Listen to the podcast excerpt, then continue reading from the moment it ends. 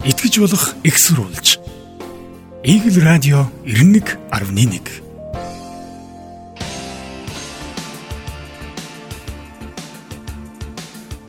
Үндэсний тойм сэтгүүлийн онцлог нийтлэлээс хальж буу халамж Монголд халамж хавтгарлаа гэдэг ч сүүлийн 1 жилд халамж бүр хальжээ.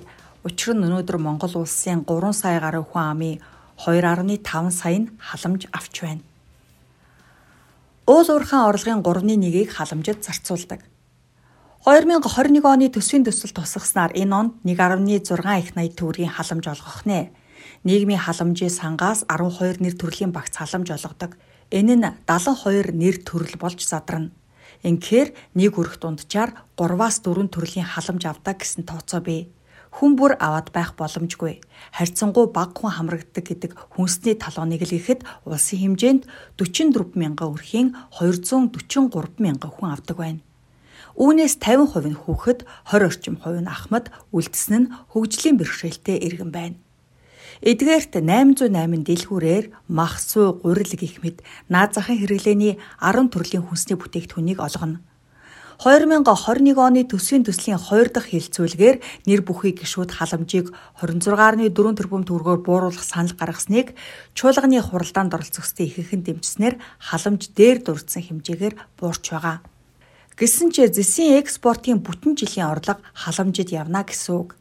Дахин тодруулбал уул уурхаагаас олох орлогын 3.1-ийг халамжид зарцуулж байна. Уул уурхаагаас төсвийнхөө 3.1-ийг бүрдүүлээд буцаагаад 3.1-ийг халамжид хаяхаар төсөвт тусгажээ. Энэ нь дотоодын нийт бүтээгдэхүүний 3.6%.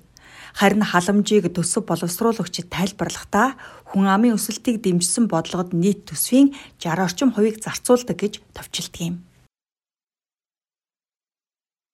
Гурван хүн тутмын хоёр нь халамж авдаг.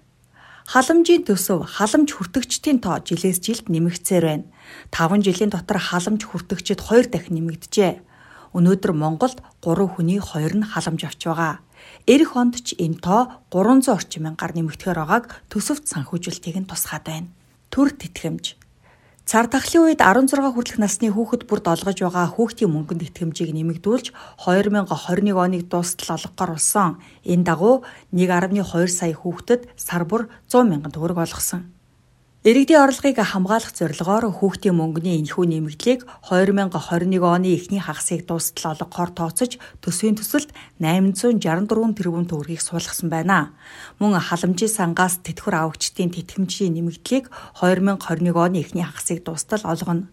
Тодорхойлбол халамжийн сангаас тэтгэвэр авдаг 72 мянга орчим ахмад настан хөгжлийн бэрхшээлтэй иргэн, одоо иргэн, өнчин хүүхэд, өрг толгойлсон эцэг их хөгжлийн бэрхшээлтэй хүүхдэд сар бүр олгодог мөнгөнд итгэмжийг өнгөрсөн 5 дугаар сарын 1-ээс энэ оныг дуустал сар бүр 100 мянгаар нэмэгдүүлж 288 мянган төгрөг болгосон. Энэхүү нэмэгдлийг мөн 2021 оны эхний хагас жилд нэмэгдүүлсэн дүнгээр үргэлжлүүлэн олгохоор тооцож төсөвт тусгаад байгаа юм.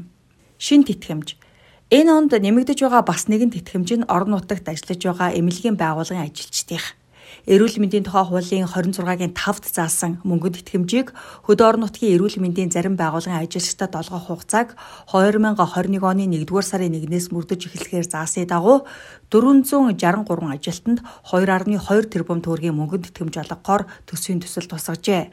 Эрүүл мэндийн тухай хуулийн 29-ийн 5-д өрөх сум тосхны эрүүл мэндийн төвд олон анхан шатны тусамж үйлчилгээ үзүүлэх тусгай эмнэлэг тасралтгүй ажиллаж байгаа эмнэлгийн мэрэгжилтэн эмнэлгийн босоод мэрэгжилтэнд 3 жил тутамд 1 удаа 6 сарын аймаг дахь төрийн болон орон нутгийн өмчит эрүүл мэндийн байгууллагад тасралтгүй ажиллаж байгаа эмнэлгийн мэрэгжилтэн эмнэлгийн босоод мэрэгжилтэнд 5 жил тутамд 1 удаа 6 сарын үндсэн цалинтай тэмцэх хэмжээний мөнгөнд тэтгэмжийг тухайн байгууллагаас олгоно гэж заасан юм.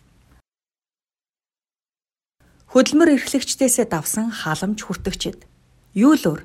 Нийгмийн хамгааллын салбарын тогтолцоог ингэж зүйрлэмээр хөдөлмөр эрхлэгч сайн дураар шимтгэл төлөгчдийн мөнгө халамжийн санд ороод буцаад тэтгэвэр тэтгэмж халамжид гардаг. Ингэхдээ гарах нь орхосоо үргэлж их байна. Өнгөрсөн 9 сарын байдлаар 2.3 сая хүнд 1.1 их 80 төгрөгийн тэтгэмж, тэтгэвэр, тусламж үйлчилгээ хөнгөлөлт олгожээ. Энэ нь өмнөх оны мөн үеэс нийгмийн халамж үйлчилгээнд хамрагдагчид 183.1 мянгаар, үйлчилгээнд олгосон тэтгэвэр, тэтгэмж, тусламж үйлчилгээ хөнгөлөлтийн хэмжээ 629.7 тэрбум төгрөгөөр нэмэгдсэн байна. Өөрөөр хэлбэл тэтгэвэр, тэтгэмж халамжийн хэмжээ 2.3 дахин нэмэгдсэн гэсэн үг юм. Харин нөгөө талдаа 1.2 сая ажиллагсад байгаа. Ингээд ажиллах хүнээсээ хөдөлмөр эхлэж байгааг нь хасвал ажилгүй 83 мянган хүн байгаа гэсэн тооцоовэ. Энэ бол үндэсний статистикийн хорооны тооцоо. Инхээр хөдөлмөр эрхлэж шимтгэл түлж даатгал сангийн мөнгө бүрдүүлэгч халамж хүртэгчдийн ялгаа тодорхой харагдах үзэ. Ингээд халамжийн сан ачааллан дийлхэн болоод зээл авч халамж тавьдаг.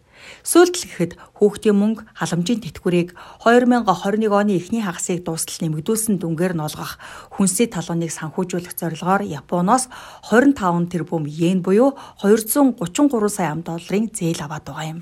Халамж хөдөлмөрийн зах зээлд халгаатай байна. Халамж хөдөлмөрийн зах зээлд халгаатай байгаа нь ажил олгогчдын толгойн өвчин болсон. Ажлын зар тавиад хүн олдохоо байсан. Ажил хийх хүсэлтэй хүн алгаа гэсэн ажил олгогчд хаасаагүй. Сарын 600 мянган төгрөгийн цалингийн төлөө ажил хийж зовж байснаас ажилгүй гэд хүнсний толон авч халамж хүртсэн нь бие сэтгэлд амар гэсэн хандлага зарим нэг танилаас цухалцах болсон нь нух юм. Жишээ болгоход үндэсний тооцоо шинжилгээ судалгааны газраас гаргаснаас нэгтлэн харвал улсаас тэтгэвэр тэтгэмж хэлбэрээр өрхүүдэд оруулсан дүн өнгөрсөн оны эцсийн байдлаар 2.4 их 80 төгрөг байхад эргээд өрхийн сектороос улсын даз руу шилжүүлсэн мөнгөн дүн буюу нийгмийн даатгалын шимтгэл орлогын татвар нь 879.3 тэрбум байгаа юм өмнө өгүүлсэнчлэн ажилгүй 83 мянган хүн байгаа гэж тооцвол үүнээс 27.5 мянган нь хөдөлмөр эрхлэх байгууллагад бүртгүүлжээ.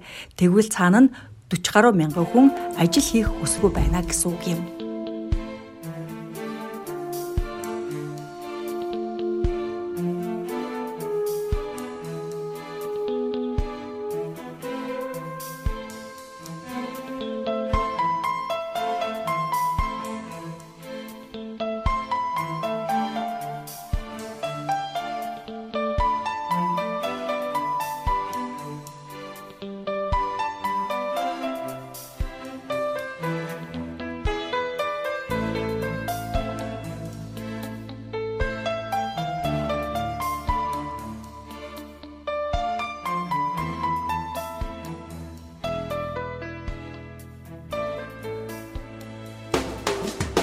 Итгэж болох экссурулж. Игэл радио 91.1